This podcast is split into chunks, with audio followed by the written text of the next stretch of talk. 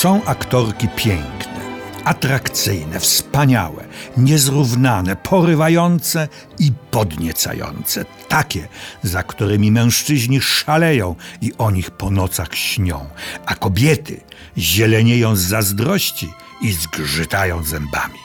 Ale jakże rzadko są również aktorki wcale niewzorcowo urodziwe, za to fascynujące, od których twarzy, oczu oderwać nie można, które przykuwają każdego, niezależnie od płci widza, intrygują, poniekąd zmuszają go do przeżycia, zrozumienia, pokochania postaci przez nie grane.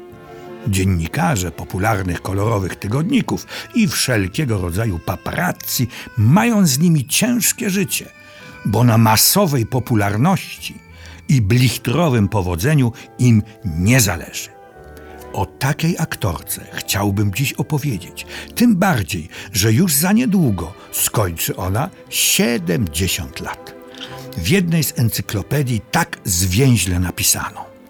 Fundamentalne znaczenie dla jej rozwoju artystycznego i międzynarodowej kariery miało spotkanie z Ingmarem Bergmanem, którego była partnerką w życiu prywatnym i na planie filmowym. Bez jej magnetyzującej obecności na ekranie trudno sobie wyobrazić jego kameralne dramaty psychologiczne, innymi personę, szepty i krzyki twarzą w twarz czy sonatę jesienną. Jej intymny styl gry wyróżniał się fascynującą intensywnością psychologicznego wyrazu, dzięki której potrafiła kreowane postaci zarówno natchnąć wewnętrzną integralnością, jak i sugestywnie przedstawić ich psychologiczny rozpad. To Liv Ullman wspomina.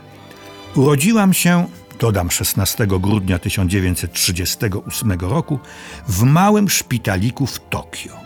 Mama zapamiętała stamtąd dwie rzeczy: mysz przebiegającą po podłodze, co przyjęła jako dobry znak, i pielęgniarkę, która pochyliła się nad nią i szepnęła z zakłopotaniem: Niestety to dziewczynka.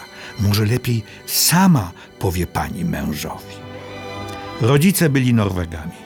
Ojciec pracował wtedy w Japonii jako konstruktor samolotów. Tuż przed wybuchem II wojny światowej wyjechali cała czwórka, bo Liv miała jeszcze starszą siostrę, do Kanady, a następnie do Nowego Jorku. Tata umarł z powodu guza na mózgu. W tym samym czasie zmarł w niemieckim obozie jenieckim w Dachau również jego ojciec. Kilka tygodni później w Europie zapanował pokój, a my wróciłyśmy do Norwegii jednym z pierwszych statków handlowych, który zabierał pasażerów. Liv była dziewczynką nieśmiałą i samotną. Kiedy matka zaczęła pracować w księgarni, Liv każdą wolną chwilę spędzała na zapleczu. Czytając, przenosiła się w tajemnicze, magiczne, nieznane światy chcąc pokonać swą nieśmiałość, marzyła o aktorstwie. Jak wspomina, każdej soboty organizowałam przedstawienia teatralne w sali gimnastycznej naszej szkoły. Sama pisałam scenariusz, sama reżyserowałam i wybierałam dla siebie najlepsze role. Żyliśmy dla własnej przyjemności. Charakteryzacja, kostiumy, niekończące się możliwości fantazjowania. Nigdy już potem teatr nie był taką zabawą. Do szkoły teatralnej się jednak nie dostała, choć jeden z jej nauczycieli napisał u spodu klasowego wypracowania: Droga Liv, masz wspaniałą wyobraźnię i niezwykłą zdolność wypowiedzi, ale czasami puszczasz się na zbyt głęboką wodę, a stamtąd do brzegu droga daleka. To również jest metaforą. Czy rozumiesz, mała Liv, o co mi chodzi? Rozumiała. Zajmowała się też malarstwem, pisała sztuki i poezję. W pewnym okresie chciała nawet zostać weterynarzem. Ale najbardziej i to ostatecznie pragnęłam zostać aktorką. Miała jednak wątpliwości, czy ma zdolności, talent. Objechała z trupą teatralną całą Norwegię, aż w końcu dostała główną rolę. Zagrała Annę Frank w sztuce jej poświęconej. Krytycy ocenili grę Liv Ullmann poważnie i entuzjastycznie, a sama tak napisała. Moja gra nie była udawaniem, lecz rzeczywistością. Wiedziałam, że to teatr, ale była to rzeczywistość teatralna. Było tak, jak za czasów dzieciństwa. Żyłam fantazją, ale tęsknoty i uczucia, które w nią wkładałam, były prawdziwe.